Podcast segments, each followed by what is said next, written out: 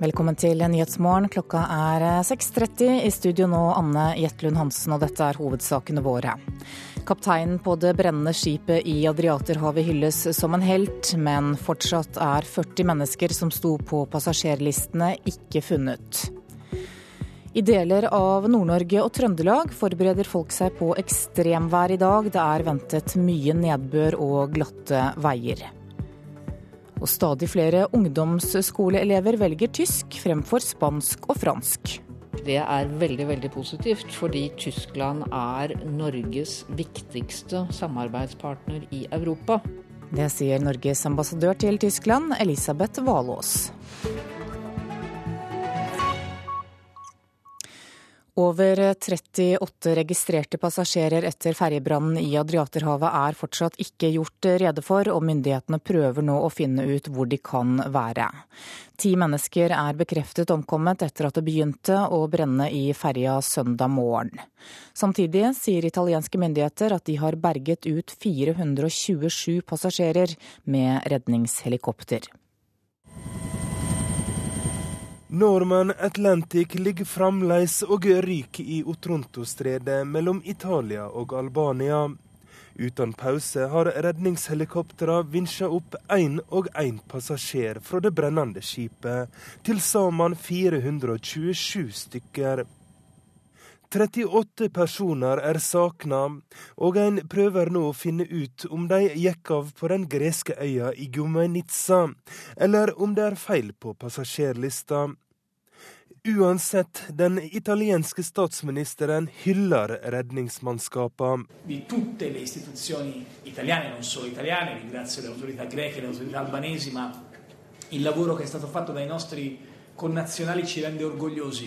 Innsatsen til de italienske, greske og albanske redningstjenestene har gjort oss stolte, sa Matteo Renzi. Han som har blitt hylla som den største helten, er fergekaptein Argilio Giocamas. 62-åringen blei om bord til det var ingen igjen å redde. Han forlot det brennende skipet som siste mann. Reporter var Roger Severin Bruland. USA har gjennomført et flyangrep mot en antatt leder av Al Shabaab, den Al Qaida-støttede terroristorganisasjonen i Somalia. Det var i går kveld at USA slo til mot en antatt Al Shabaab-leder nær byen Sakov 30 mil sørvest for hovedstaden Mogadishu. Hvem målet var denne gang, er ikke klart, heller ikke om lederen ble drept eller skadet. Pentagon har kommet med få opplysninger, men skal også ha angrepet en betydelig leder av Al Shabaab i et nytt luftangrep, som føyer seg inn i rekken av angrep mot militante islamistledere både i Somalia, Jemen, Irak, Afghanistan og Pakistan. Her i Kenya stiger håpet om at terroristbevegelsen fra nabolandet nå blir ytterligere svekket.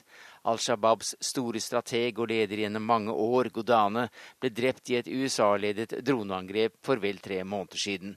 Og en annen tidligere sentral Al Shabaab-kommandant overga seg i forrige uke. Det sa vår Afrikakorrespondent Sverre Tom Radøy. Et eh, amerikansk marinefartøy skal nå bistå Indonesia i letingen etter det savnede passasjerflyet fra Air Asia. Ifølge lederen for den indonesiske redningstjenesten så tyder alt på at flyet med 162 mennesker om bord styrtet og sank i Javasjøen. Flyet var på vei til Singapore fra Surabaya da det forsvant sporløst 42 minutter etter avgang søndag morgen. Her hjemme så rammer ekstremværet Mons Nordland, Troms og Nord-Trøndelag i dag. Det er ventet store nedbørsmengder og stigende temperaturer, noe som kan gi omfattende oversvømmelser og vanskelige kjøreforhold. Mildvær og mye regn gjør at flere nå oppfordrer folk om å tenke seg om før de ferdes eh, ute. Og seksjonssjef Lars Petter Saksi i Statens vegvesen sier at folk må være forberedt på at det kan bli svært glatt på veiene i dag. Med de endringene vi får nå, at blir, vi går fra kulde over til, til, eh, mange plussgrader og regn, så kan det bli veldig glatt. Selv om de er ute og strør med sand og grus, så vil det jo mye av det vaskes fort bort. sånn at eh, bilistene må ta det rolig og, og kjøre etter de forholdene som er. Seksjonssjef Lars Petter Saksi sier Vegvesenet har bedt sine entreprenører om å innkalle alt tilgjengelig mannskap i dag, men at folk likevel må være forberedt på glatte veier. I dag er det meldt opptil 100 millimeter nedbør og femårsflom i fylket. Mye regn og mildvær gjør at det også er meldt om stor skredfare. Øyvind Galtung Nilsen i Svolvær Røde Kors hjelpekorps ber folk holde seg unna fjellet de kommende dagene. De bør i hvert fall holde seg unna bratte sider. Jeg ser nå helst at folk holder seg på eh, flat i dag. I fjor vinter førte mye nedbør til at bl.a. kystriksveien ble stengt to steder pga. at regnet tok med seg deler av veien. Saksi er forberedt på at slike ting kan skje også i dag.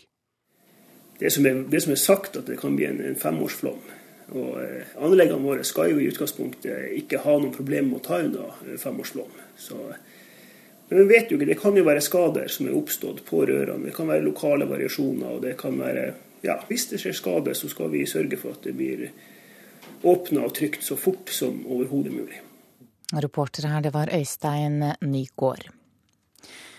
Helse og omsorg vil prege lokalvalgkampen i de store byene neste år, sammen med kommuneøkonomi og eiendomsskatt. Det tror politiske kommentatorer som er med i Politisk kvarter i dag. Programmet ble tatt opp før jul, og siden da har Arbeiderpartiet oppnådd et historisk sterkt resultat på Respons Analyses meningsmåling for Bergens Tidende. Med over 37% oppslutning øker partiets sjanser til å overta makten.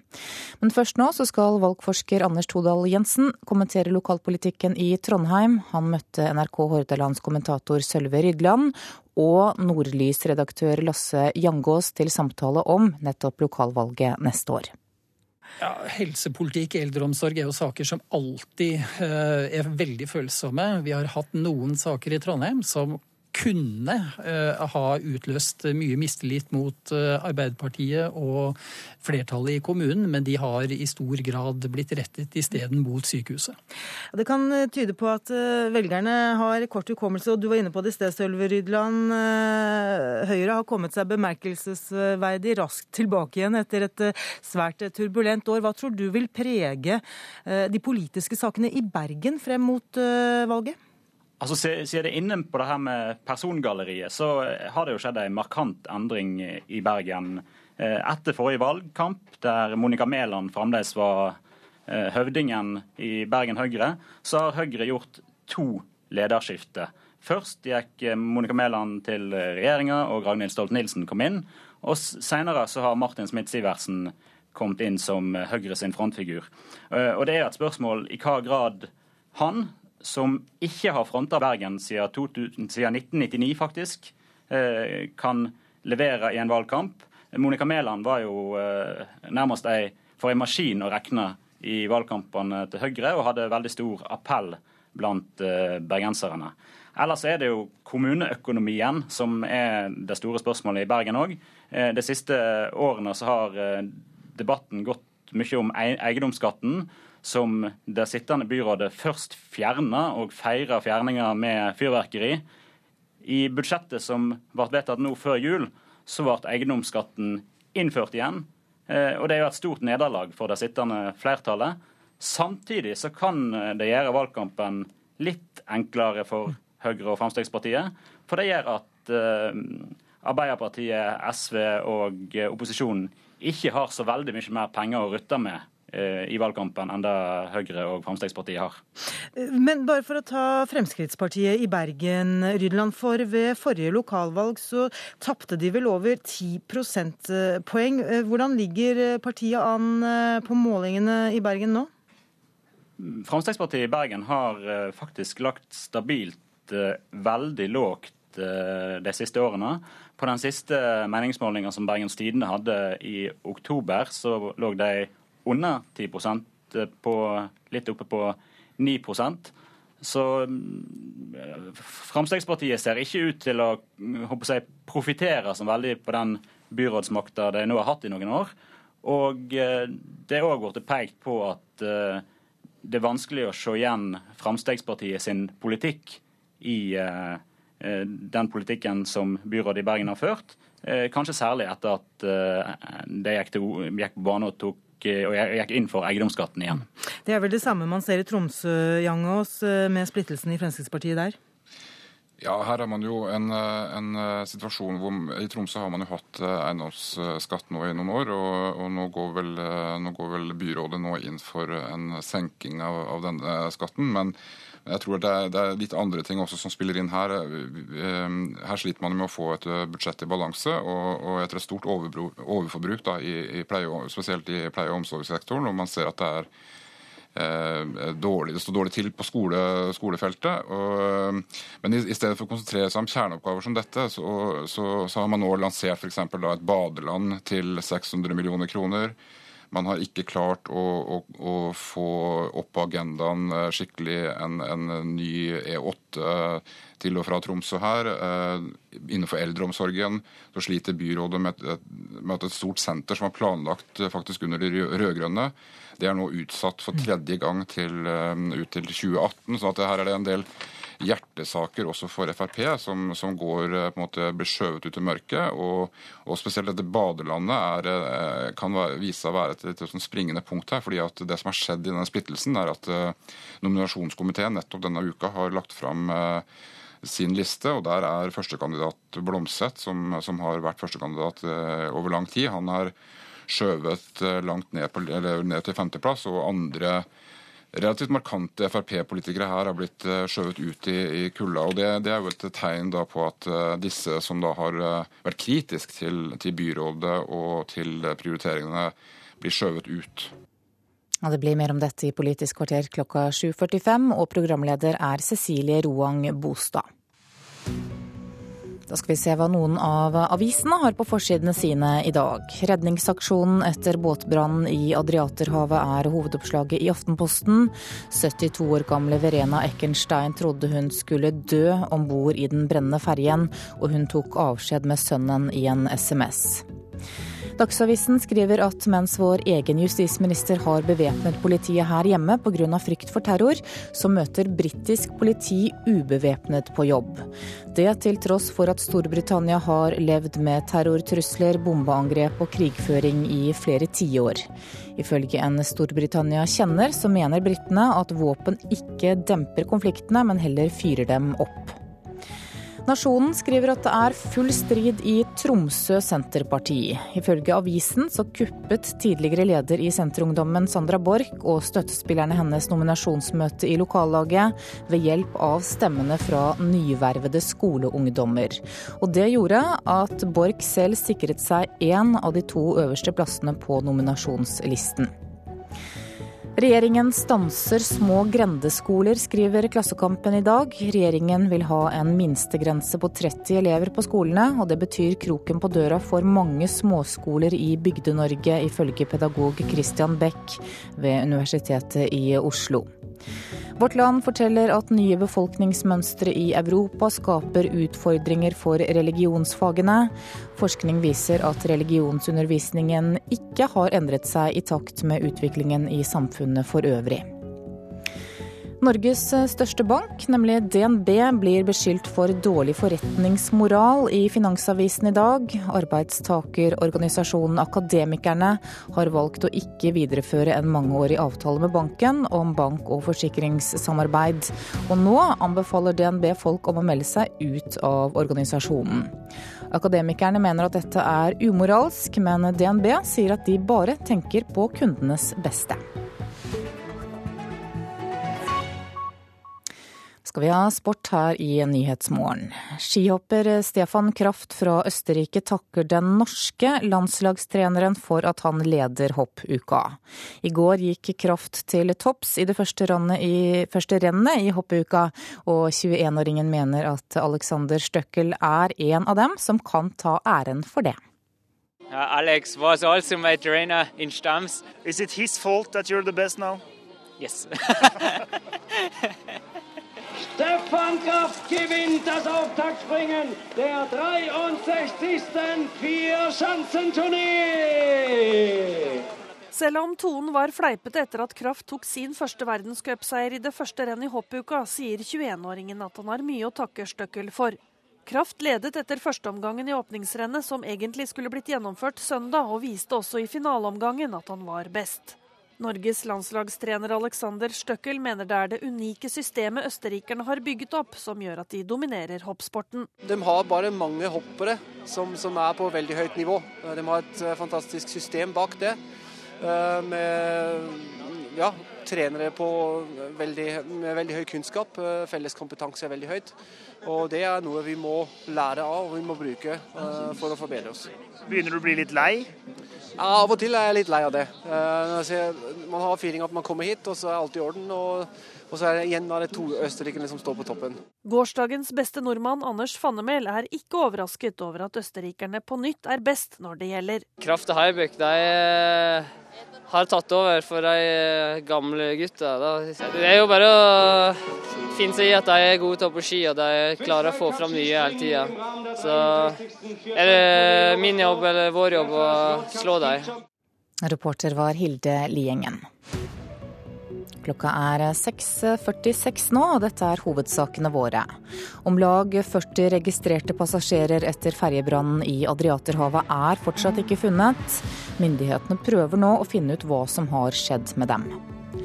Et amerikansk marinefartøy skal bistå Indonesia i letingen etter det savnede passasjerflyet fra Air Asia. Og ekstremværet Mons treffer Nord-Trøndelag og Nordland i dag. Rydd avløp og dreneringsveier nå, oppfordrer NVE. Selv om naturen er mer sårbar, så er kravene til beredskapen rundt oljeomlastning i Sør-Varanger blitt eh, svekket. Det hevder oljevernfirmaet Arctic Protection. Nesten ti millioner tonn råolje skal omlastes fra skip til skip utenfor Kirkenes. Samtidig er det uklart om firmaet som nå driver på med oljeomlasting i Bøkkfjorden, oppfyller kravene som stilles. Innenfor Reinøya utenfor Kirkenes ligger nå oljetankene Minerva Senja og Kapitan Gotski på henholdsvis 106 000 og 72 000 tonn. De skal laste om råolje fra Russland som skal videre nedover til Europa. Omlastinga skjer i en nasjonal laksefjord og i et fjordsystem med elleve rødlista fugle- og dyrearter. Arctic Protection har i flere år drevet på med den samme type oljeomlastinger, men i Sarnesfjorden i Nordkapp. Administrerende direktør Harald Karlstrøm mener Klima- og miljøverndepartementet i sommer senka beredskapskravene da Nordterminal etter sterkt press fikk tillatelse til å drive sine operasjoner i Sør-Varanger. Det er ganske, ganske store vedvarende operasjoner eh, der skal pumpe kanskje 7-8 millioner tonn råolje eh, hvert år. Eh, Kirkenes jo, og Bøkfjorden er jo et mer miljøsensitivt område som nasjonal laksefjord som oppholdsområde for en del sjøfuglarter. Og vi forventa vel kanskje at man ville få et skjerpa beredskapskravene inn i dette området. Men eh, det ser ut som det kanskje er det motsatte som har skjedd. Miljødirektoratet ville ha langt strengere krav, men ble altså overprøvd av departementet. Direktoratets seksjonsleder Harald Sørby frykter alvorlige konsekvenser dersom råoljen havner i fjorden. Det har vi beskrevet ganske nøye i den saken som vi har eh, hatt til behandling. Det gjør at uh, hvis det mot formodning skulle gå galt med, med oljebelastningen, så kan det ha store konsekvenser for uh, et sårbart miljø. Etter hva vi vet, så er det ikke de samme lensene. Der bruker man en, en mindre lense av en annen type. Arctic Protection bruker spesialbygde oljelenser for arktiske forhold, som angivelig bare brukes to steder i verden, i Valdesbukta i Alaska og på Sarnes. Oppgaven til denne lensa er å ringe inn oljen om det skjer et utslipp, men i Sør-Varanger er dette hinderet betydelig lavere, hevder Karlstrøm. Du kan se det på, som, det en, en, som en vegg omtrent, som står eh, to meter, hvorav 80 cm over vann og 1,20 under vann ettersom vi kjenner til, uten at vi har detaljer omkring eh, hva som skjer i Kirkenes, så er det eh, neddimensjonert der eh, betydelig. Nordterminal, som driver oljeomlastinga i Sør-Varanger, vil ikke opplyse noe om hva slags oljevernberedskap de har. Selskapet ønsker heller ikke å delta i noen offentlig debatt. De har en dårlig sak, mener Sigurd Enge. Hans spesialområde i Bellona er skipssikkerhet og oljevern. Ut fra deres eh, ståsted så kan jeg jo forstå det ut fra at de har ikke de beste korta på hånda. Så en eh, eh offentlighetens lys er kanskje ikke til deres fordel. Og etter det som skulle ha vært en fullskala oljevernøvelse i september, unnagjort på en og en halv time, er det fortsatt uavklart om Nord terminal oppfyller de beredskapskravene myndighetene stiller. Øvelsen avdekka to avvik som er brudd på tillatelsen, opplyser Sørby. Avvik eh, nummer én var at tilgjengelig beredskapsutstyr eh, ikke er i samsvar med kravet i tillatelsen. Og eh, det andre avviket var at av beskrivelsen av avbruddskriteriene for forutsigbare nødsituasjoner er mangelfulle. Det er de to avvikene som er gitt. Nordterminals svar til Miljødirektoratet er at avvikene nødvendigvis ikke er reelle brudd på tillatelsen, og at kravene kan tolkes forskjellig. Reporter her var Rolf Jacobsen. 5000 nordmenn abonnerer på landets første strømmetjeneste for lydbøker, nemlig Storytel. Etter tre måneder i drift så har eieren Cappelen Dam stor tro på at tjenesten blir god butikk for forlaget. Da trykker man på og passer på at lyden på mobilen er på, og så trykker man trykker på 'lytt til boken'. Hanegal av Lars Ove Sæter. Storytel-direktør Håkon Havik spiller av den mest populære boka i katalogen på om lag 2000 norske lydbøker og e-bøker. Tre måneder etter lanseringen karakteriserer han tjenesten som en suksess. Vi har stort sett ligget på førsteplass i AppStore eh, i, i, kategorien eh, bokapper. Og vi har fått over, godt over 5000 eh, abonnenter i, i, løpet av kort tid. Og vi er, vi er strålende fornøyde. Men 5000 abonnenter er ikke nok til at eieren Cappelen Dam kan tjene penger på tjenesten. Vi tjener ikke penger ennå, men uh, i andre land hvor Storytel er etablert, så tjener man penger allerede. Nå ser jeg Det er ikke noe tastatur her, men du har en slags penn som du bruker? Jeg har en penn ja, som jeg skriver med, og jeg har noen knapper på sidene som jeg beveger meg opp og ned i, f.eks. en bok. Sånn hørtes det ut da Aschehoug og Microsoft lanserte landets første e-bokleser for over 14 år siden. Siden den gang har bokbransjen prøvd ut en rekke forskjellige tekniske løsninger for å selge e-bøker, uten nevneverdig kommersiell suksess.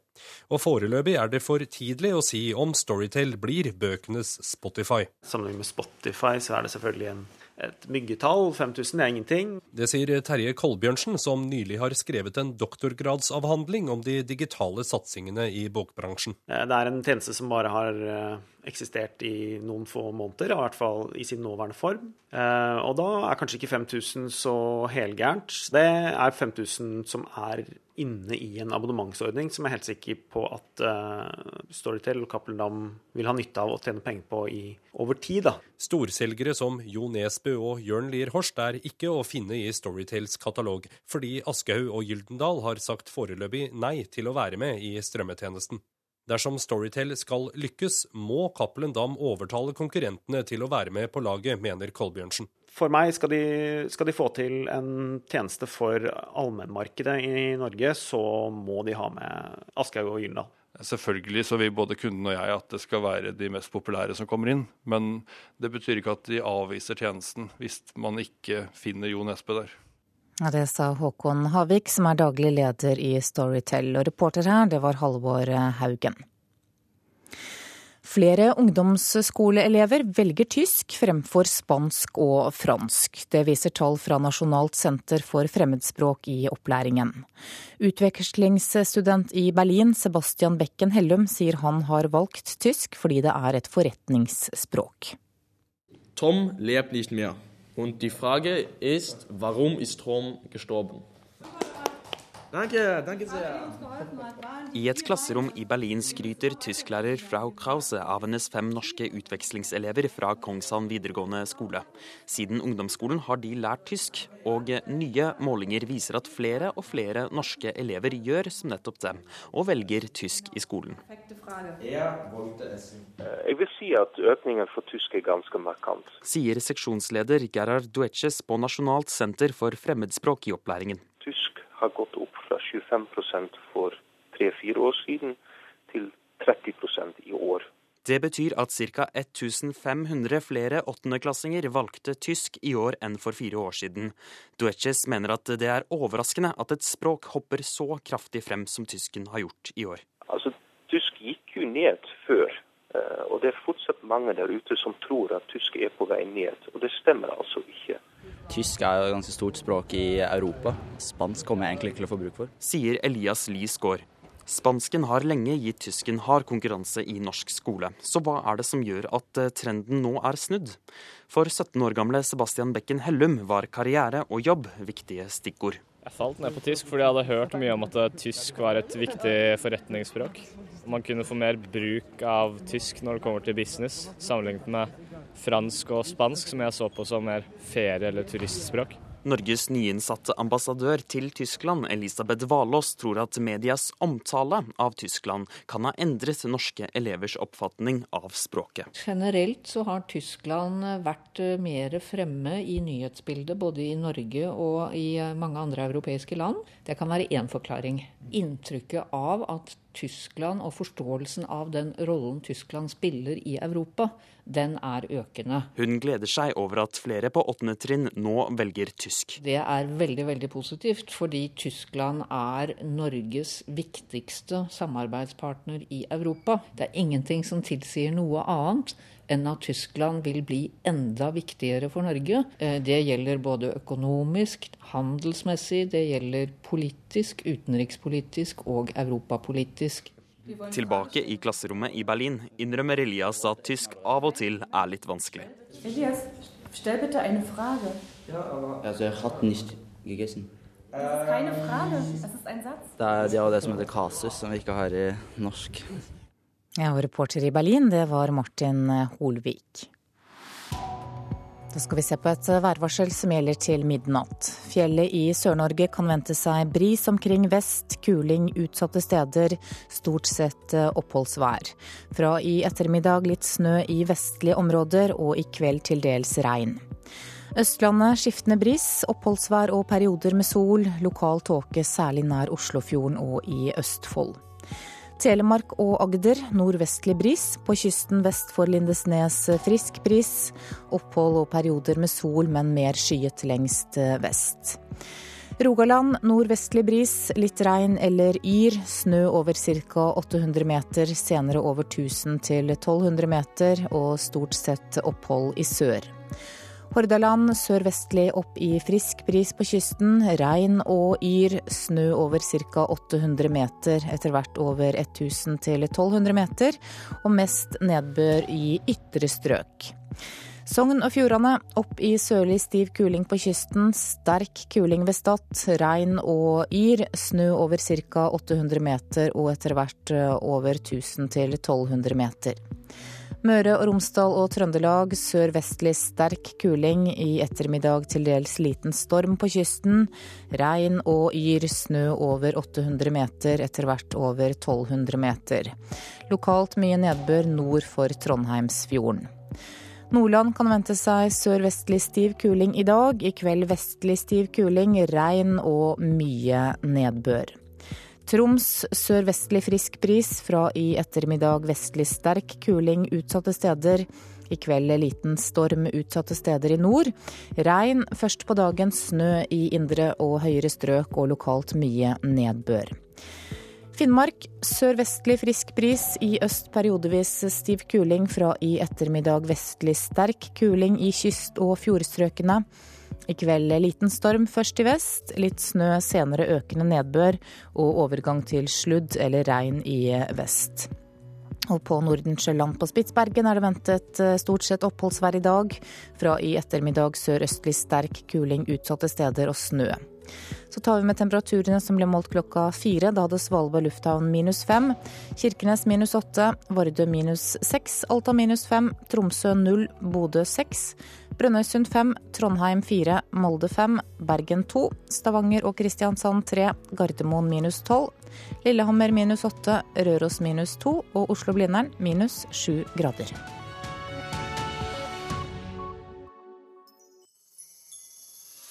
Jeg heter Camilla Stoltenberg. I Juli i P2 i dag vil jeg fortelle om de ufattelige fremskrittene som har skjedd i vår helse og våre liv bare i løpet av min levetid. Jul i P2. I dag klokken ti.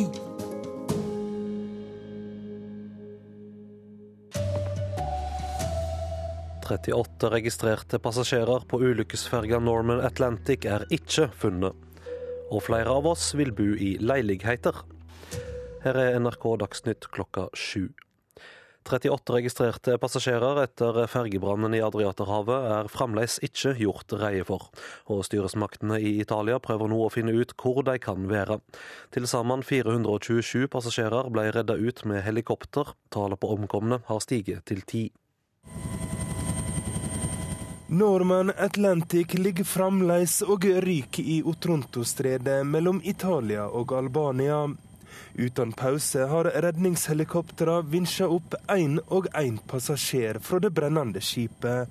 Til sammen 427 stykker.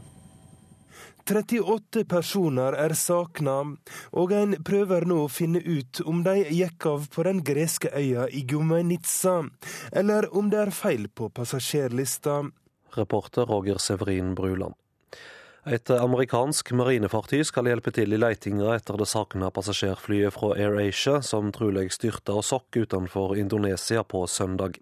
Indonesiske styresmakter melder nå også om at det er sett gjenstander som likner ei evakueringssklie og ei flydør i leiteområdet. I går ble det meldt om funn som viste seg å ikke ha noe med flyet å gjøre. Stadig flere av oss vil bo i leiligheter. I dag bor to av ti i leiligheter, men fire av ti sier de vil dette om de skal velge på nytt. Det syner ei landsomfattende undersøking gjort av Respons Analyse for Eiendomsmegler Vest. Dette er en ny trend, sier byråd for byutvikling i Oslo, Bård Folke Fredriksen fra Høyre. Jeg tror dette viser at vi er inne i en urbaniseringstrend. Flere mennesker ønsker å bo sentralt, fordi eh, byene kan gi et eh, bredere tilbud. Og I tillegg så er jo det at eh, befolkningen vokser, noe som gjør at vi, vil, vi må bygge høyere og tettere der infrastrukturen tåler det, og kollektivtilbudet er best, for at vi kan ta vare på marka og parkene våre. Norges vassdrags- og energidirektorat har sendt ut flaumvarsel på oransje nivå for Nord-Trøndelag og den sørlige delen av Nordland i samband med ekstremværet Mons, og samtidig er snøskredfare oppjustert til nest høgste nivå. Nesten hver dag beslaglegger tollerne på Oslo lufthavn syntetisk hasj i brevpost, men bare 10% av beslagene blir definert som narkotika, selv om stoffene er mye sterkere enn hasj og marihuana. For snart to år siden kom en ny forskrift der mange nye syntetiske narkotiske stoff ble tatt inn, men brukerne har tilpasset seg dette og finner stadig nye alternativ. NRK Dagsnytt, Vidar Eidhammer. Klokka er 7.03 og Nyhetsmorgen fortsetter med disse sakene. Kapteinen på det brennende skipet i Adriaterhavet hylles som en helt, men fortsatt er 40 mennesker som sto på passasjerlistene, ikke funnet. Stadig flere av oss ønsker å bo i leilighet, og helst vil vi bo i byer og tettsteder. Ekstremværet Mons treffer Nord-Trøndelag og Nordland i dag. Rydd avløp og dreneringsveier nå, oppfordrer NVE. 38 registrerte passasjerer etter ferjebrannen i Adriaterhavet er altså fortsatt ikke gjort rede for. Myndighetene i Italia prøver nå å finne ut hvor de kan være. Til sammen 427 passasjerer ble reddet ut med helikopter, og tallet på omkomne har steget til ti. Γιατί το καράβι ήταν άθλιο που ταξιδεύαμε και το γνωρίζαμε, ήταν γνώση μας. Bølgene var enorme. De andre skipa klarte ikke komme nær nok. Jeg håper jeg slipper å oppleve noe slikt igjen, forteller den greske ferjepassasjeren Anastasia Ariadou. Hun satt på det kokende varme dekket med to barn og venta på å bli berga. Nå er alle henta ut, og Norman Atlantic ligger som et rykende spøkelsesskip i Otronto-stredet mellom Italia og Albania. Uten pause har redningshelikoptrene vinsja opp én og én passasjer fra det brennende skipet. Til sammen 427 stykker. 38 personer er savna, og en prøver nå å finne ut om de gikk av på den greske øya Igumenica, eller om det er feil på passasjerlista. Redningshelikoptrene til den italienske marinen gjorde en kjempejobb, sa den italienske statsministeren Matteo Renzi. Han skrytte også av de andre landene som bidro i redningsaksjonen. Il lavoro che è stato fatto in queste ore è un lavoro strepitoso da parte delle donne e degli uomini di tutte le istituzioni italiane, non solo italiane, ringrazio le autorità greche le autorità albanesi, ma Innsatsen til de italienske, greske og albanske redningstjenestene har gjort oss stolte, sa Matteo Renzi. Han som har blitt hylla som den største helten, er fergekaptein Argilio Giocamas. 62-åringen blei om bord til det var ingen igjen å redde. Han forlot det brennende skipet som siste mann. Og det sa reporter Roger Severin Bruland. Nå skal det handle om at Bolig-Norge er i endring. Stadig flere av oss ønsker å bo i leilighet, og aller helst vil vi bo i byer og i tettsteder. To av ti bor i leilighet i dag, men fire av ti sier at de foretrekker dette dersom de kan velge på nytt. Det viser en landsomfattende undersøkelse som Respons Analyse har gjort for Eiendomsmegler Vest. Tallene er svært gledelige, det sier byråd for byutvikling i Oslo, Bård Folke Fredriksen fra Høyre. Ja, jeg syns disse tallene peker på at byen vender tilbake til seg selv. Eh, på 50- og 60-tallet var det en trend at alt skulle bygges eh, langt utenfor byen. Nå er vi tilbake der folk ønsker å bo sentralt. Fortsatt bor halvparten av oss i enebolig, og fortsatt foretrekker like mange eneboligen som den beste boformen. Men i byer som f.eks. Oslo, Bergen, Trondheim og Stavanger er det de fire siste årene bygget langt flere leiligheter enn eneboliger. Det vil politikerne, og det fenger altså stadig flere av oss, sier informasjonssjef Harald Kveseth i Eiendomsmekler Vest. Det at såpass mange ønsker å velge den boformen, det er jo, er jo positivt. For dette betyr at man får til en byutvikling som er, er i pakt med miljøkrav og klimakrav. Eh, leilighet, fordi jeg ikke har råd til hus i Oslo. Jeg har ikke lyst til å flytte ut fra Oslo ennå. Nei, altså Jeg foretrekker å bo i leilighet. Jeg liker å ha tilgang til mye godt rundt meg. Jeg bor selv i leilighet og trives godt med det. Verken jeg eller mannen min har lyst å ha en stor hage å styre med, eller et stort hus som må hele tida renoveres og pusses opp. Lyden av by trekker, og vi aksepterer at det må gjøres noen grep. Over halvparten av de spurte i undersøkelsen er positive til at det bygges tettere og høyere, spesielt rundt de store kollektivknutepunktene. Folk vil ha nærhet til det viktigste, sier Kveseth. Veldig mange vil bo eh, Altså det å bo nær kollektivtrafikk er, er, er, er veldig viktig. Altså, sånn ca. 80% rangerer altså kollektivtrafikk og nærhet til, eh, til, butikk og nærhet til friområder. Det er de tre, tre, av de aller viktigste tingene når folk skal, eh, når folk skal velge bosted. Ja, Det som er bra med å bygge der, der kollektivtilbudet er best, i knutepunkter, det er jo at behovet for bil, bilbruk blir mindre. Og Oslo har vokst med 70 000 mennesker på de siste syv årene, og likevel har biltrafikken stått stille. All veksten er blitt tatt på kollektivtrafikk. Sier byråd Bård Folke Fredriksen i Oslo. Han er ikke redd for at hovedstaden skal miste noe av sin sjel, selv om det blir trangt og høyt. I stedet snakker han om den nye trenden. Jeg tror dette viser at vi er inne i en urbaniseringstrend. Flere mennesker ønsker å bo sentralt fordi eh, byene kan gi et eh, bredere tilbud i boliger, i arbeidsmarked, i utdanningsmuligheter, eh, og også urbane kvaliteter som kultur, opplevelser osv. En trendendring til her er at mange eldre mennesker i større grad enn min bestemor gjorde, og hennes generasjon gjorde, nå forbereder seg på alderdommen ved å, ved å ønske leilighet fremfor å bo i store og, og hus med mange trapper. Reporter her, det var Hans Jørgen Solli.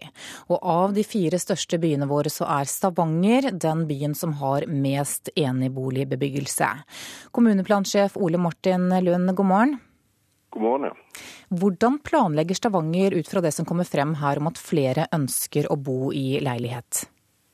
Ja, Det er jo riktig at Stavanger er jo eneboligbyen blant de store byene. Eh, men de siste årene så har det jo utelukkende vært bygd leiligheter og rekkehus i, i, Stavanger. Eh, og Det har jo sammenheng både med at en eh, ønsker å legge til rette for bygging langs kollektivakser, men òg at det er arealknapphet i Stavanger som gjør det helt nødvendig å satse på de nye boformene. Ja, Hva skal til for å greie å tilby enda flere leiligheter da, i sentrum av byen? Ja, I en eh, typisk eneboligby så er det jo en utfordring det å si, få en tilvenning til leilighet som den foretrukne boformen. Så det er jo det å greie å bygge leiligheter og leilighetsområder med gode bokvaliteter, som gjør at folk ønsker å melde overgang fra eneboliger til, til leiligheter. Det, det, er bokvaliteter som er, er stikkordet. Ja, Hva gjør dere for å få til det? Ja, Kommunen stiller jo aktive krav til både utforming av, eh, av leiligheter og til uteområder, og sikre at boområdene blir så gode at, eh, at rett og slett eh, det oppstår et ønske om, om å flytte fra eh, hus til leilighet. Mm. Men hva må vike da, for å få det til? Nei, altså Det som må vike, er vel kanskje at uh, en må på en måte få en mer si, urban tankegang eh, inn i, inn i, byen. altså At folk må, må, tenke mer urbant i forhold til hvordan en bor. Eh, og så er det jo det å få til et godt nok kollektivtilbud, som vi òg var inne på i reportasjen. at det, det å bo nær et godt kollektivtilbud som gjør at en da er mindre avhengig av bilen, eh, er et stikkord. Og der har Stavanger en, en lang vei å gå. Ja, hva gjør dere med det? Eh, nå er det eh, på trappene en ny eh, bypakke som skal investere i et helt nytt kollektivsystem. Og Det er jo en langsiktig plan, men vi håper jo at det er noe som som òg vil bidra til at Stavanger får mer urbane kvaliteter. Hvor mange flere har dere plass til da, etter planen? Det er et godt spørsmål. Stavanger skal ifølge prognosene vokse med, med 30 000 nye innbyggere innen 2030. og Det har vi plass til. Vi har plass til mer òg. Men alt dette avhenger av hvor, eh, hvor tett og hvor, eh, hvor, godt en greier å bygge eh, framover. Eh, det er nok ikke noe fasitsvar på hvor mange det er plass innenfor Stavangers grenser. Da sier jeg lykke til, og takk for at du var med i Nyhetsmorgen, kommuneplansjef Ole Martin Lund i Stavanger.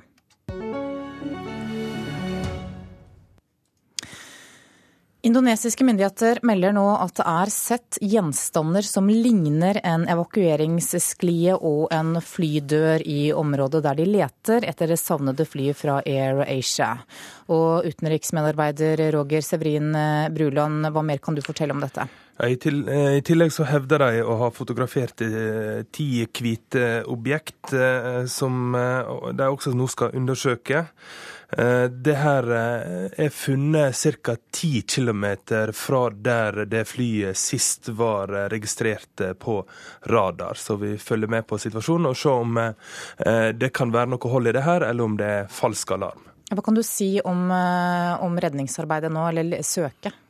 Eh, ja, det blir jo søkt for fullt. Det er jo 30 fly i det området nå som driver og fotograferer. Og så vil en jo selvfølgelig sende inn folk med skip og båter for å få eh, visuell bekreftelse. For det var jo ting der de sa de ikke klarte å fange opp eh, på fotografier også. Så vi må bare vente og se. Takk for at du kom i studio nå, Roger Severin Bruland. Flyet var altså på vei til Singapore fra Surabaya da det forsvant sporløst 42 minutter etter avgang søndag morgen. Norges eh, vassdrags- og energidirektorat oppfordrer folk til å åpne avløp og rydde dreneringsveier for is i flomutsatte områder. Det er sendt ut flomvarsel på oransje nivå for fylkene Nord-Trøndelag og den sørlige delen av Nordland. Samtidig er snøskredfaren oppjustert til nest høyeste nivå. Og vakthavende ved flomvarslingen ved direktoratet, Erik Holmquist, ber folk om å ta grep selv. Ja, de som bor i disse områdene, eh, de har kjent sånt vær på kroppen tidligere og vet eh, mye om hvilke områder som er flomutsatt. Eh, så det å rydde dreneringsveier, altså få dem fri for is, få åpne avløpsrør og kulverter langs veier, er viktig for å få vannet unna. Meteorologisk institutt har varslet ekstremvær med store nedbørsmengder og fare for omfattende oversvømmelser i Nord-Trøndelag og den sørlige delen av Nordland. Allerede i går kunne mildværet merkes i Nord-Trøndelag. Regn overtok for store mengder snø som ble kjørt bort i lastebiler. Kommunene forbereder seg nå på store mengder regn, som kan føre til raskt stigende vannføring. Men det er flere ting som avgjør hvor stor flomfaren er, sier vakthavende ved flomvarslinga ved NVE, Erik Holmquist. Det ene er hvor mye nedbør vi får. Eh, så er det eh, hvor mange dager vi får med veldig mye nedbør. Og nå ligger det i varslene vi har fått, og så mye nedbør tirsdag og enda mer nedbør på onsdagen. Og det vil komme som regn opp også i fjellområdene. Så vil det jo være sånn at blir det litt kaldere enn det varslene tilsier, så kommer mer av nedbøren som snø, og da blir flomfaren vesentlig mindre. NVE venter flom i flere vassdrag både i Nord-Trøndelag og i Nordland, og kanskje også på kystområdene i Troms. Men de største vannføringene venter vi å få litt sør i Nordland og fra Namsen og nordover i Nordland. Nord-Trøndelag. Og særlig i Nordland og Troms er det nå også spesielt høy snøskredfare, sier vakthavende ved snøskredvarslinga ved NVE, Emma Barfod. Det er de stedene vi har sendt ut eh, varsel om stor snøskredfare nå. Eh, først kommer det til å gå en, sannsynligvis en del skred i Nordland, og så i eh, Troms. Vi må også forvente at det vil gå naturlig utløste skred i Trøndelag. Eh, der skal det regne ekstremt mye. Det milde været og overgang fra snø til regn vil også gi glattere veier. Statens vegvesen oppfordrer trafikanter til å tilpasse farten og ta hensyn til føret. Først på fredag antar meteorologene at regnet vil avta noe. Og det sa reporter Kristine Næss Larsen, og NVE oppfordrer folk til å følge med på nettsidene varsom.no for oppdaterte varsler. Klokka er 7.16 nå. Du hører på Nyhetsmorgen, og dette er hovedsakene. Det har akkurat nå kommet meldinger eh, om at indonesiske myndigheter eh, har sett gjenstander som ligner en evakueringssklie og en flydør i området der de leter etter det savnede flyet fra Air Asia. Italienske myndigheter undersøker nå hvor det er blitt av nesten 40 passasjerer som ikke er funnet etter brannen om bord i ferja i Adriaterhavet. Og stadig flere av oss ønsker å bo i leilighet, og helst vil vi bo i byer og tettsteder. Nesten hver eneste dag så beslaglegger tollerne på Gardermoen syntetisk hasj i brev som blir sendt til Norge. Men bare 10% av disse stoffene defineres som narkotika, selv om de er mye sterkere enn f.eks. hasj og marihuana. For snart to år siden så kom det en ny narkotikaforskrift som tok inn mange nye syntetiske narkotiske stoffer. Men brukerne tilpasser seg og finner alternativer. I 2014 så er 90% av beslagene ikke oppført på narkotikalista, mens i 2013 så var det ca. 60% Sier tolloverinspektør Sveinung Kjørsæter. Et flylass med post har kommet til tollvesenet på Gardermoen. Pakkene blir skanna, og breva blir sjekka for hånd. Narkotika som spice og andre syntetiske cannabinoider kommer ikke nødvendigvis med stressa smuglere, men gjerne i helt hverdagslige brev. Dagens narkotikamarked har flytta fra gata og over på internett. Det er så mange som selger stoffer at så snart ett stoff blir ulovlig, står leverandørene klare med nye stoff. Trenden er at man ønsker å bestille de stoffene som ikke er klassifisert som narkotika. Og når stoffene ikke står på narkotikalista, gir det ingen konsekvenser for de som bestiller, selv om tollerne fremdeles kan beslaglegge stoffene. Disse stoffene er uansett ulovlige, fordi selv om de ikke er ført på narkotikalista, så vil det være ulovlig innførsel som eh, legemidler. Sier Martin Bjerke i Legemiddelverket. Det er de som avgjør hva for stoff som er legemiddel, og hva som er narkotika, og det er en lang prosess. Derfor må Legemiddelverket prioritere de stoffene som har de aller mest alvorlige konsekvensene for folkehelsa. Da vi fører opp stoffer på narkotikalista, så gjør vi en prioritering av det som er viktigst, som er viktigst for folkehelsa. Det er risiko, og vi har kunnskap om hvor alvorlige disse stoffene er, eventuelt om de har ført til eh, dødsfall. Fremdeles er ingen dødd, som er en direkte konsekvens av syntetiske cannabinoider i Norge. Men tallet på akutte forgiftninger øker. Og i Sverige har ungdommer dødd. Det kan skje i Sverige med så mange overdosesituasjoner de har hatt de siste par åra. Så er det vel også mulig at det kan skje i Norge. Tollinspektør Kjørsæter er uroa fordi stoffet er så sterke. Her da har du et halvt gram med hvitt pulver, som er et syntetisk cannabinoid, og her er det ca. 100 brukerdoser. Ei lita teskje med noe som ser ut som finmalet sukker, er altså nok til 100 brukerdoser. Fort gjort å dosere feil når det er så små mengder. Det bekymrer meg helt klart. Jeg syns det er veldig skummelt at eh, ungdommer ønsker å ruse seg på forskningskjemikalier. Reporter her, det var Julia Loge. Forsker Anne Line Bredtvild Jensen i Statens institutt for rusmiddelforskning, god morgen. God morgen. Du forsker på syntetisk dop, og deler du tollvesenets bekymring her? Ja, det er helt klart. Eh, dette er eh, stoffer som har stort skadepotensial. Både disse syntetiske cannabinoidene og andre typer av det vi med en samlebetegnelse kaller nye psykoaktive stoffer. Kan du fortelle litt om hvordan de virker på kroppen? De har eh, en mye sterkere rusvirkning enn de tradisjonelle stoffene som vi kjenner som narkotika. Men de har også en mengde negative virkninger, og vi har sett eh, psykoser og dødsfall også i Norge. Hvor utbredt er bruken, da? Den er foreløpig ikke veldig stor, heldigvis. Eh, vi har gjort undersøkelser ved Sirus som tyder på at kanskje i overkant av 1% av personer mellom 16 og 30 år har prøvd disse stoffene noen gang. Enda færre har brukt dem nylig, og mange av dem prøver bare noen få ganger og så slutter med dem. Men de har et potensial som, som vi er oppmerksom på, og som vi følger nøye. Hvordan blir disse stoffene distribuert? De fleste blir solgt via internett. Eh, de kjøpes via internettbutikker. Eh, ved siste opptelling så finnes det nærmere 700 internettbutikker som selger nye psykoaktive stoffer.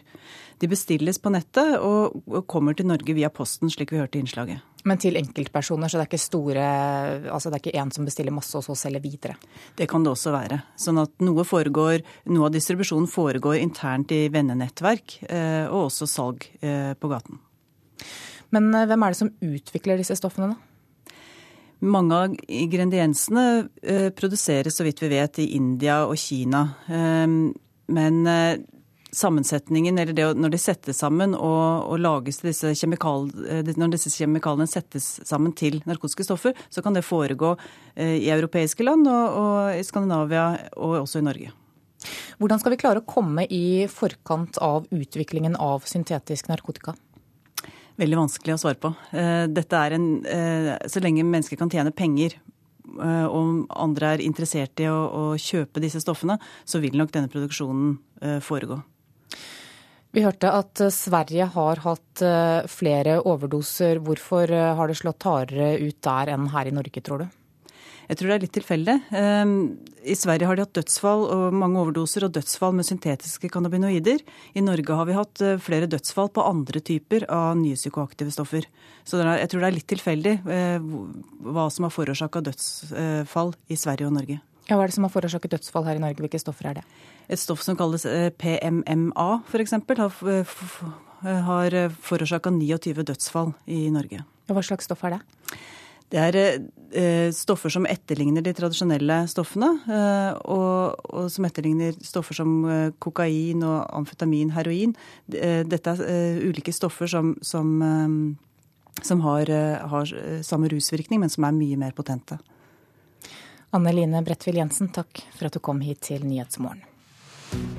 Da skal vi se hva avisene har på forsidene sine i dag.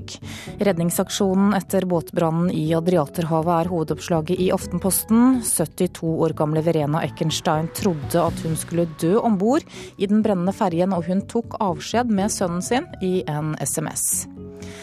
Dagsavisen skriver at mens vår egen justisminister har bevæpnet politiet her hjemme pga. frykt for terror, så møter britisk politi ubevæpnet på jobb.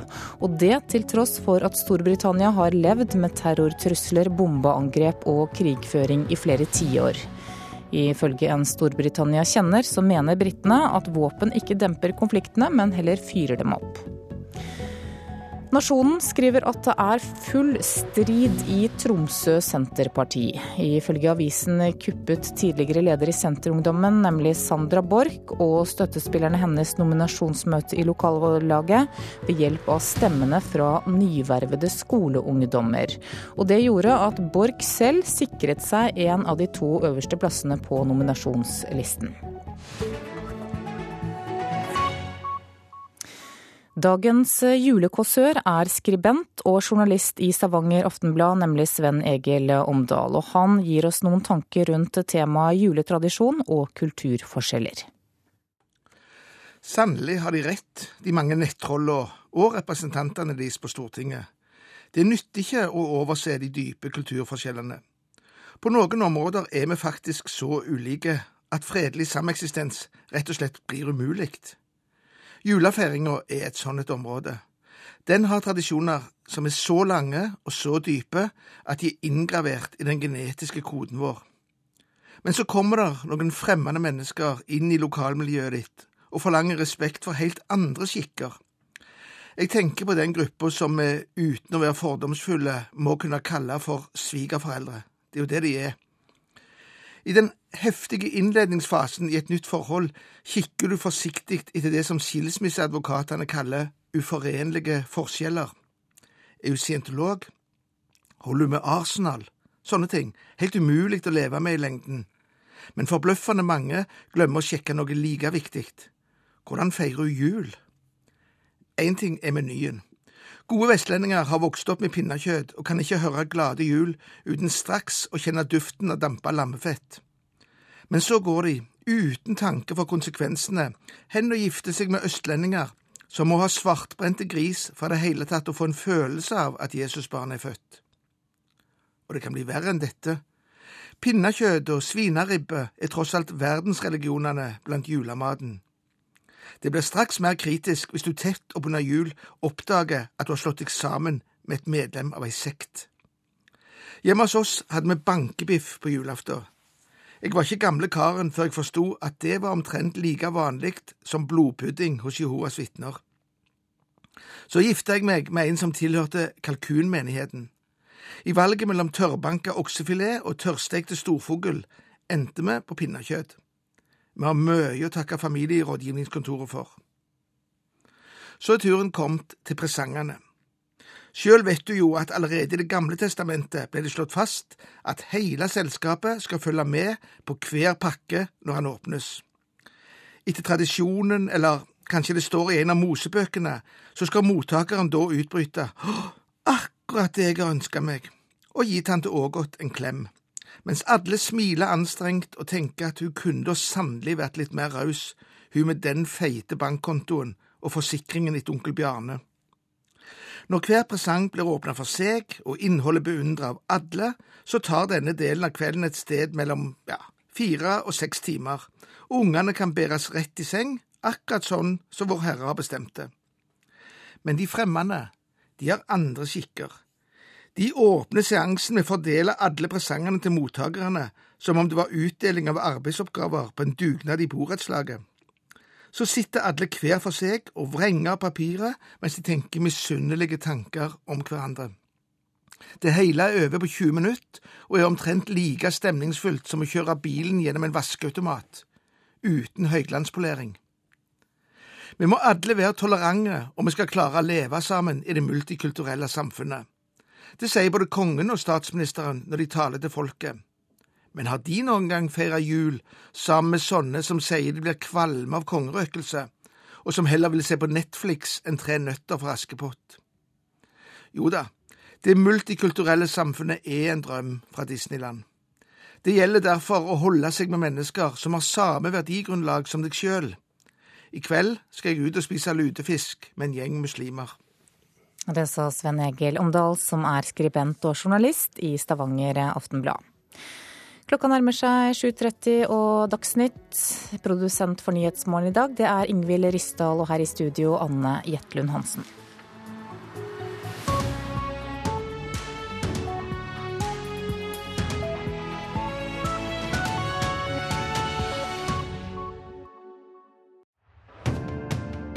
Hør Kulturhuset.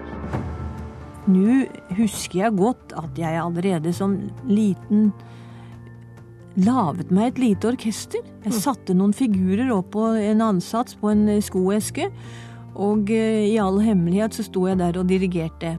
Hør historien om den glemte pioneren Ruth Lagesen. Norges første kvinnelige orkesterdirigent. Kulturhuset. I dag klokka 13 på NRK P2.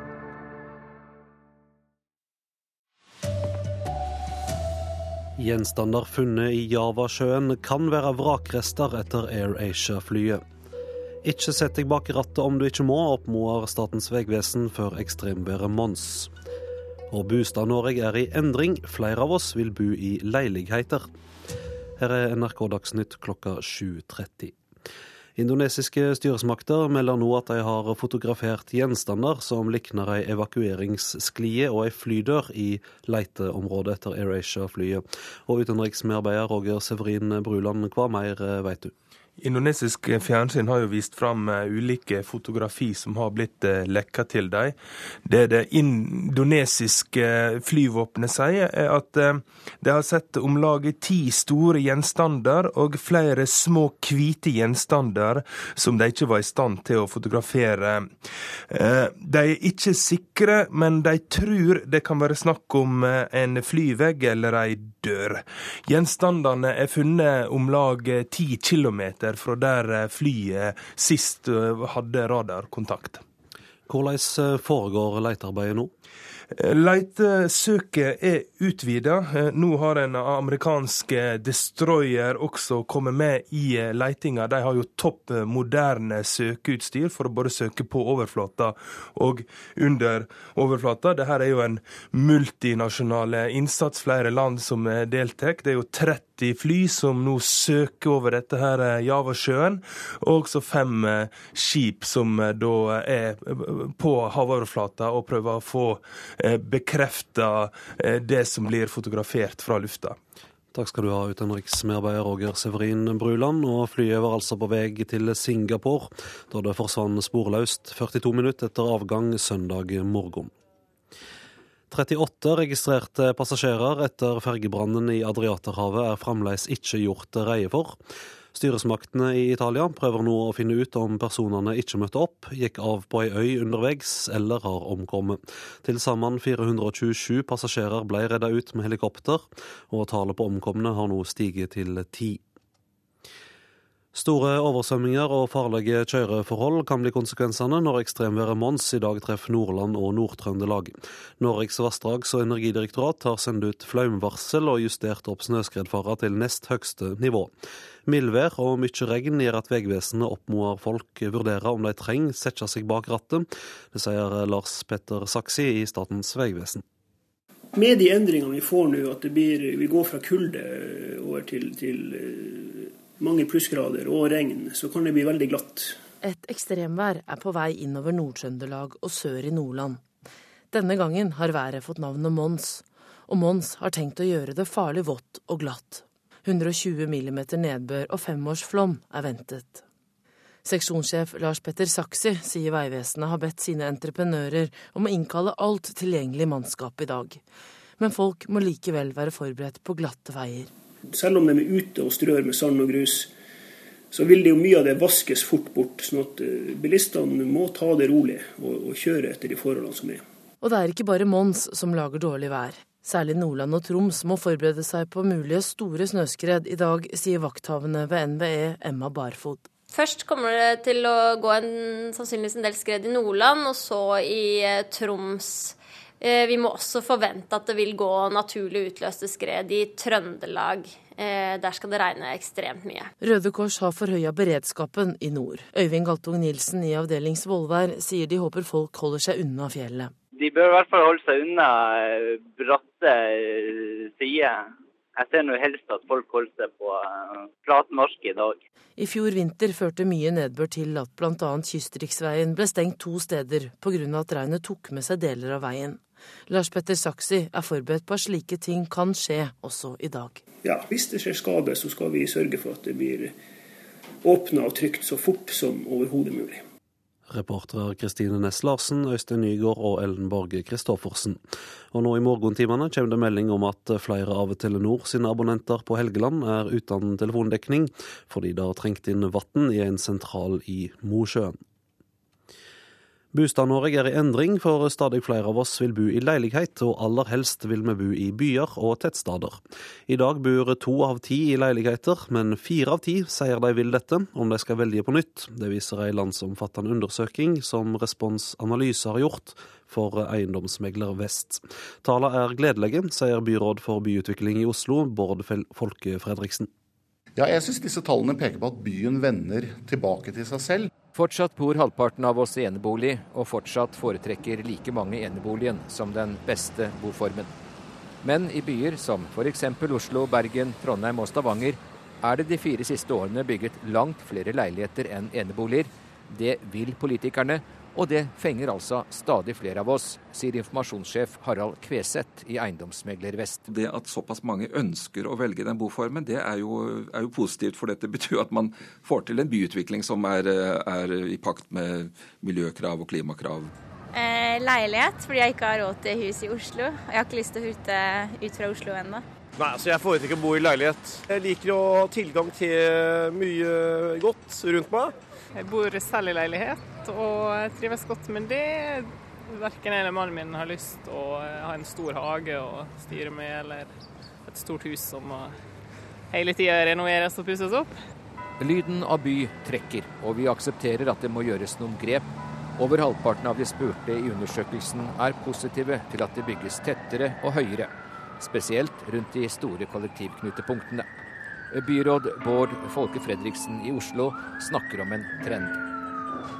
Jeg tror dette viser at vi er inne i en urbaniseringstrend. Flere mennesker ønsker å bo sentralt fordi eh, byene kan gi et eh, bredere tilbud i boliger, i arbeidsmarked, i utdanningsmuligheter, eh, og også urbane kvaliteter som kultur, opplevelser osv. Reporter Hans Jørgen Solli. Godt over halvparten av kommunene her i landet er i gang med samtaler om sammenslåing med én eller flere naboer. Det første vedtaket om ei sammenslåing kan komme i februar, og først i løypa er Sandefjord, Andebu og Stokke. Nesten daglig beslaglegger tollerne på Oslo lufthavn syntetisk hasj fra brevpost, men bare 10% blir definert som narkotika. For snart to år siden kom en ny narkotikaforskrift som tok inn mange nye syntetiske stoff. Nå har markedet og brukerne funnet alternativ. I 2014 så er 90% av beslagene ikke oppført på narkotikalista, mens i 2013 så var det ca. 60% Sier tolloverinspektør Sveinung Kjørsæter. Det er så mange som selger stoffer at så snart ett stoff blir ulovlig, står leverandørene klare med nye stoff. Trenden er at man ønsker å bestille de stoffene som ikke er klassifisert som narkotika. Og når stoffene ikke står på narkotikalista, gir det ingen konsekvenser for de som bestiller, sjøl om tollerne fremdeles kan beslaglegge stoffer. Disse stoffene er uansett ulovlige, fordi selv om de ikke er ført på narkotikalista, så vil det være ulovlig innførsel som eh, legemidler. Sier Martin Bjerke i Legemiddelverket. Det er de som avgjør hva for stoff som er legemiddel, og hva som er narkotika, og det er en lang prosess. Derfor må Legemiddelverket prioritere de stoffene som har de aller mest alvorlige konsekvensene. Da vi fører opp stoffer på narkotikalista, så gjør vi en prioritering av det som er viktigst, som er viktigst for folkehelsa. Det er risiko og vi har av kunnskap om hvor alvorlige disse stoffene er, eventuelt om de har ført til eh, dødsfall. Fremdeles er ingen dødd, som er en direkte konsekvens av syntetiske cannabinoider i Norge. Men tallet på akutte forgiftninger øker, og i Sverige har ungdommer dødd. Det kan skje i Sverige, med så mange overdosesituasjoner de har hatt de siste par åra. Så er det vel også mulig at det kan skje i Norge. Tollinspektør Kjørsæter er uroa. fordi stoffene er så sterke. Her da har du et halvt gram med hvitt pulver, som er et syntetisk cannabinoid, og her er det ca. 100 brukerdoser. Reporter Julia Loge. Den russiske opposisjonspolitikeren Aleksej Navalnyj er akkurat dømt til tre og et halvt år i fengsel for økonomiske brotsverk. Dommen er akkurat kunngjort i Moskva. Det er venta demonstrasjoner i den russiske hovedstaden senere i dag fra tilhengerne hans, som mener dommen er politisk. USA gjennomførte mandag kveld et flyåtak mot en islamistleier av Al Shabaab i Somalia, men det er uklart om vedkommende ble drepen. USA har ikke navngitt hvem det var som var mål for åtaket. USA har tidligere gjennomført en rekke droneåtak mot islamistleirer både i Somalia, Jemen, Irak, Afghanistan og Pakistan. Ansvarlig for denne dagsnyttsendinga var Anders Borgen Werring, teknisk ansvarlig Frode Thorshaug. Her er i studio Vidar Eidhammer.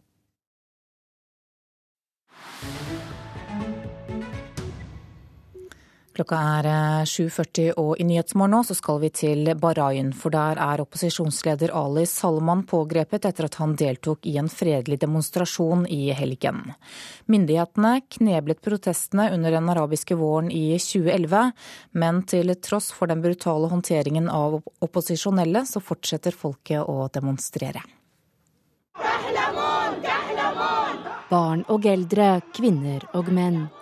I tusentalls fyller de gatene inn mot hovedstaden Manaman nok en gang, i håp om demokrati og politiske reformer i kongedømmet.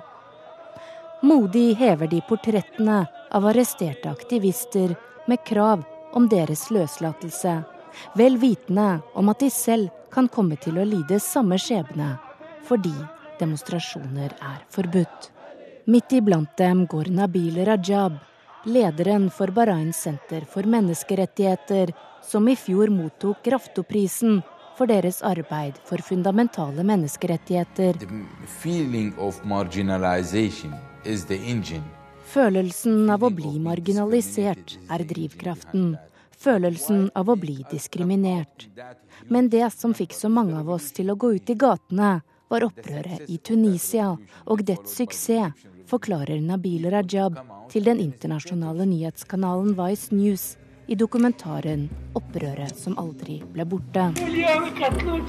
For det var da den arabiske våren sveipet over Midtøsten i 2011 at de kastet seg på bølgen, med mål om å fri seg fra kongefamiliens totalitære grep om makten. For any young person who dreamed to see some serious changes, for enhver ung person som drømte om forandring, følte jeg at det var min plikt å delta. Da jeg så Tunisia og Egypt, da folket bestemte seg for å gjøre noe, trodde jeg at ingen kunne stoppe dem.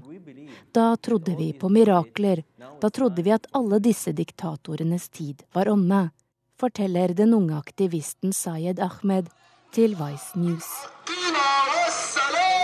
Samlet på Perleplassen håpet de å oppnå det samme som egypterne på Tahrir. Men da stridsvognene fra kongefamiliens gode nabo Saudi-Arabia rullet over broen til øyriket for å komme regimet til unnsetning, ble plassen raskt forvandlet til en slagmark. Tungt bevæpnede styrker kjeppjaget demonstrantene og satte fyr på teltleiren. Flere titalls personer ble drept, til sist ble selve symbolet på drømmen om et demokratisk Bahrain, perlen, demontert og fjernet. Fra dag én bestemte vi oss for å være fredelige. Og vi trodde fordelen ved det ville være støtte fra Vesten. Men det vi fikk, var deres ignoranse, sier Nabil Rajab til Vice News. Bahrain regnes som finanssenteret i den arabiske verden, takket være naturressurser som olje, naturgass og fisk. Og de nyter tette bånd til Vesten. Den omfattende kritikken av deres brudd på menneskerettighetene har dermed uteblitt fra handelspartnerne i vest. Men folket har ikke gitt opp. Over 4000 mennesker anslås å sitte bak lås og slå. Blant dem leger, advokater og akademikere. Mange i hemmelige fengsler der systematisk tortur er en del av hverdagen. Nå kan også generalsekretæren i den sjiamuslimske opposisjonsgruppen i landet, Ali Salman, havne her. Etter at han deltok i en demonstrasjon i helgen. Innenriksdepartementet bekrefter at han sitter i avhør hos politiet, men vil ikke opplyse hva han er anklaget for. Det sa reporter Charlotte Bergløff. Klokka er 7.44 nå, du lytter til Nyhetsmorgen og dette er hovedsakene våre. Indonesiske myndigheter forteller at det er sett gjenstander som ligner en evakueringssklie og en flydør i området der de leter etter det savnede flyet fra Air Asia. Italienske myndigheter undersøker nå hvor det er blitt av nesten 40 passasjerer som ikke er funnet etter brannen om bord i ferja i Adriaterhavet. Og det er ventet at ekstremværet Mons vil skape kaos i deler av Nordland og Nord-Trøndelag i dag. Da er det tid for Politisk kvarter med programleder Cecilie Roang Bostad. Dagens program ble tatt opp før jul og handler om neste års lokalvalg i tre av de største byene våre. Etter at dette opptaket ble gjort, så har Arbeiderpartiet oppnådd et historisk sterkt resultat på Responsanalyses meningsmåling for Bergens Tidende. Med over 37% oppslutning så øker partiets sjanser til å overta makten.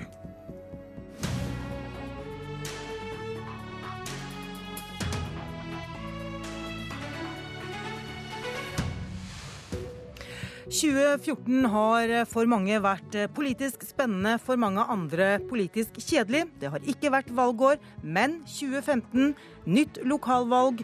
Vi skal se inn i krystallkulen. Riktig god morgen. Velkommen til Politisk kvarter, hvor vi altså skal prøve å se litt fremover, rettere sagt neste års lokalvalg. Vi skal se nærmere på byene Bergen, Trondheim og Tromsø.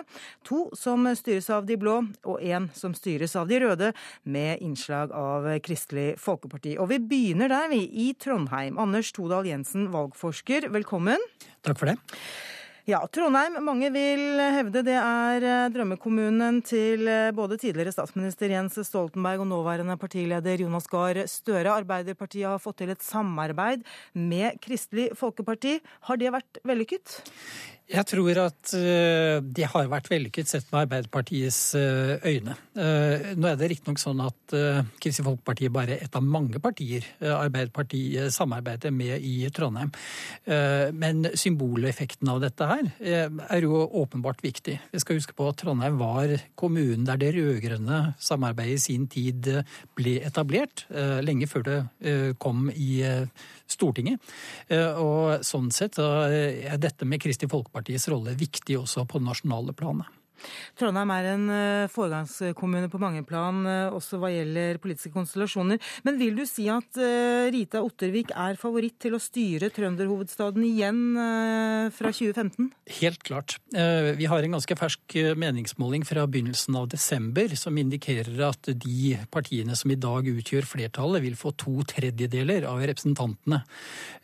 Og det betyr jo selvfølgelig at spekulasjonene nå mer går i retning av om Arbeiderpartiet kommer til å avgrense seg mer i sitt samarbeid framover.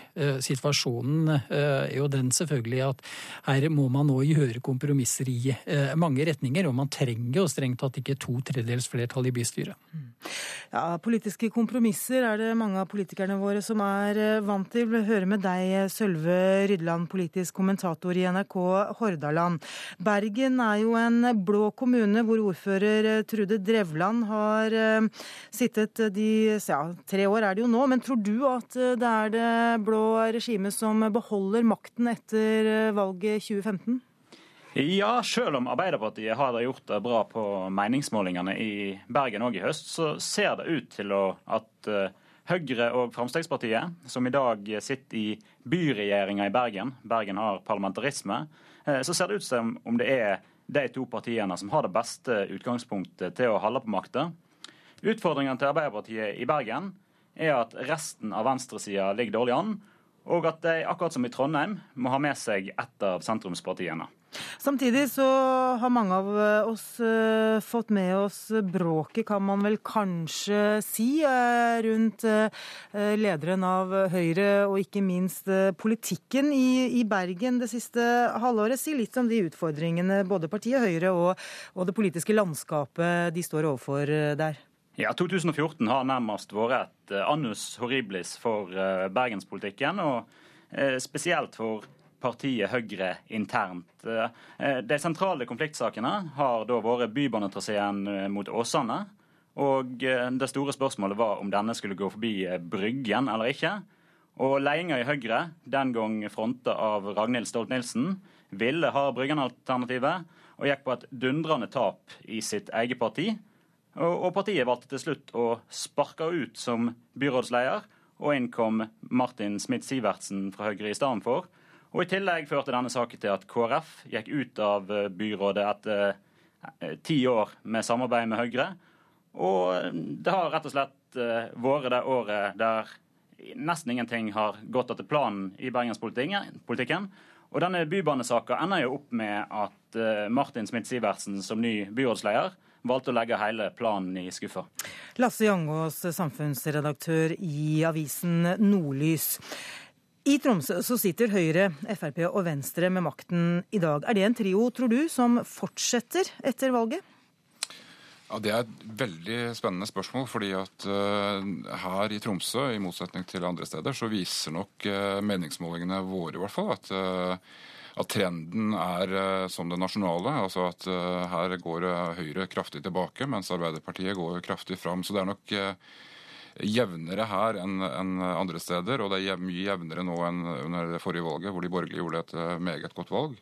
Men nå har altså de borgerlige her relativt dårlig, et dårlig politisk regnskap å vise til. og og Det er som sagt jevnt, men, men det, det, er kanskje to X-faktorer her som kommer til å spille sterkt inn. Det ene er at vi, vi ser et, en, en, splittelse nå i, i Tromsø Fremskrittsparti.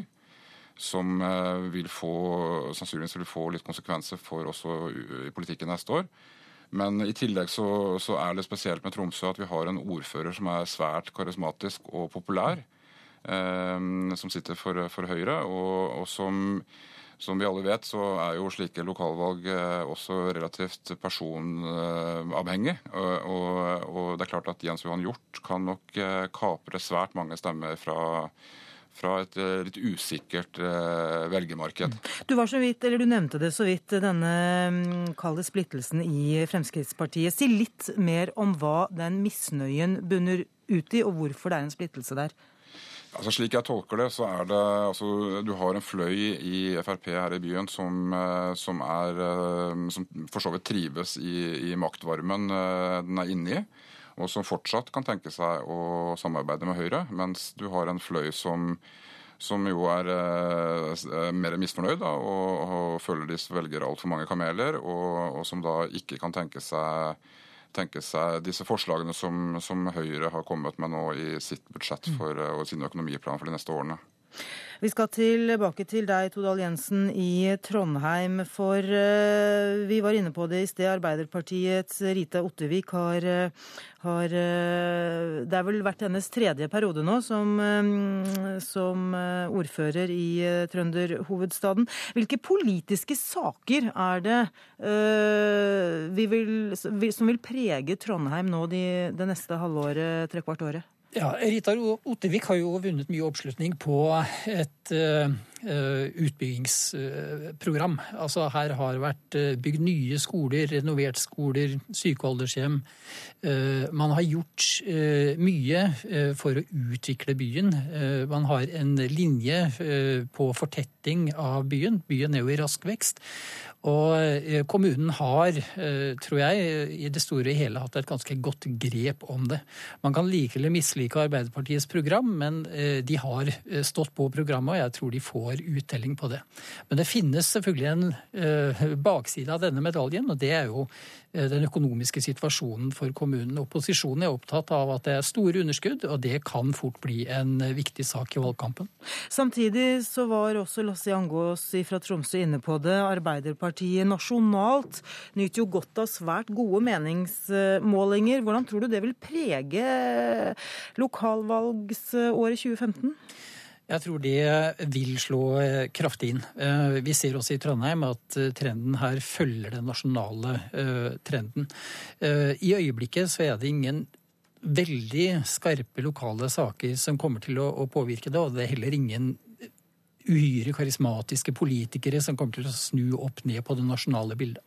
Likevel, så historisk sett, så skal det jo ofte ikke mer enn én uh, sak i media før ting uh, kan velte en, en, kjempestor oppslutning. Hva tror du kan ligge og lure holdt nær sagt bakom neste hjørne? Ja, Helsepolitikk, eldreomsorg er jo saker som alltid uh, er veldig følsomme. Vi har hatt noen saker i Trondheim som kunne uh, ha utløst mye mistillit mot uh, Arbeiderpartiet og flertallet i kommunen, men de har i stor grad blitt rettet isteden mot sykehuset. Det kan eh, tyde på at velgerne har kort hukommelse, og du var inne på det i sted, Sølve Rydland. Høyre har kommet seg bemerkelsesverdig raskt tilbake igjen etter et svært turbulent år. Hva tror du vil prege de politiske sakene i Bergen frem mot valget? Altså, Siden det inne på det her med persongalleriet, så har det jo skjedd en markant endring i Bergen.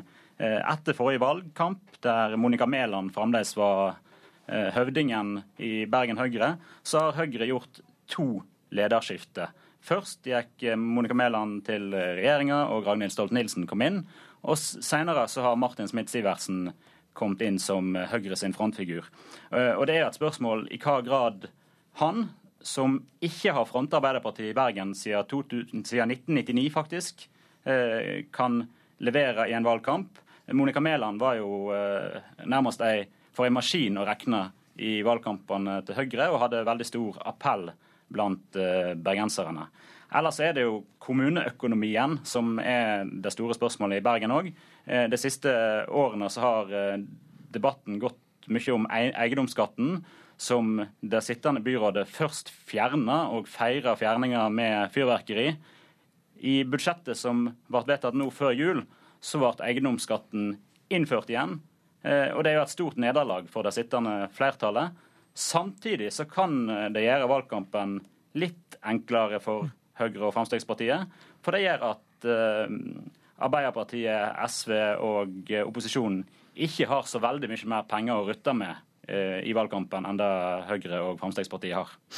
Men bare for å ta Fremskrittspartiet i Bergen, Rydland. For ved forrige lokalvalg så tapte de vel over 10 prosentpoeng. Eh, hvordan ligger partiet an eh, på målingene i Bergen nå? Fremskrittspartiet i Bergen har faktisk lagt stabilt veldig lågt de siste årene. På den siste meningsmålinga som Bergens Tidende hadde i oktober, så lå de under 10 eh, på litt oppe på 9% så mm, Fremskrittspartiet ser ikke ut til å si, profitere så veldig på den byrådsmakta de nå har hatt i noen år. Og eh, det er òg blitt pekt på at eh, det er vanskelig å se igjen Fremskrittspartiet sin politikk i den politikken som byrådet i Bergen har ført. Kanskje særlig etter at de gikk på bane og tok og jeg gikk inn for eiendomsskatten igjen. Det er vel det samme man ser i Tromsø, Jangås, eh, med splittelsen i Fremskrittspartiet der? Ja, her er man jo en, en, situasjon hvor I Tromsø har man jo hatt eh, eiendomsskatt nå i noen år. Og, og nå, går vel, nå, går vel, byrådet nå inn for en senking av, av denne skatten. Men jeg tror det er, det er, litt andre ting også som spiller inn her. Her sliter man med å få et budsjett i balanse, og, og etter et stort overforbruk, da, i, i pleie, spesielt i pleie- og omsorgssektoren, og man ser at det er eh, dårlig, det står dårlig til på skole, skolefeltet. Og, men i, i, stedet for å konsentrere seg om kjerneoppgaver som dette, så, så, så har man nå lansert f.eks. et badeland til 600 millioner kroner. Man har ikke klart å, å, å få opp på agendaen eh, skikkelig en, en ny E8 eh, til og fra Tromsø her. Eh, innenfor eldreomsorgen så sliter byrådet med, med at et stort senter som var planlagt faktisk under de rød-grønne, det er nå utsatt for tredje gang til, ut til 2018. så at her er det en del hjertesaker også for Frp, som, som går, på en måte blir skjøvet ut i mørket. Og, og spesielt dette badelandet er, kan være, vise seg å være et, et, et, springende punkt her. fordi at det som har skjedd i denne splittelsen, er at nominasjonskomiteen nettopp denne uka har lagt fram sin liste, og der er førstekandidat Blomseth, som, som har vært førstekandidat over lang tid. Han har skjøvet eh, langt ned, på, ned til femteplass, og andre relativt markante Frp-politikere her har blitt eh, skjøvet ut i, i kulda. og det, det, er jo et tegn da på at uh, disse som da har uh, vært kritisk til, til, byrådet og til prioriteringene, blir skjøvet ut. Det blir nok mange både høye bølger og mye pengesnakk i eh, de neste månedene foran lokalvalget i 2015. Så langt er vi nødt til å avslutte denne sendingen. Jeg sier takk til Anders Todal Jensen fra Trondheim, Lasse Jangås i Tromsø og Sølve Rydland i Bergen. Politisk kvarter denne morgenen var ved Cecilie Roang Bostad.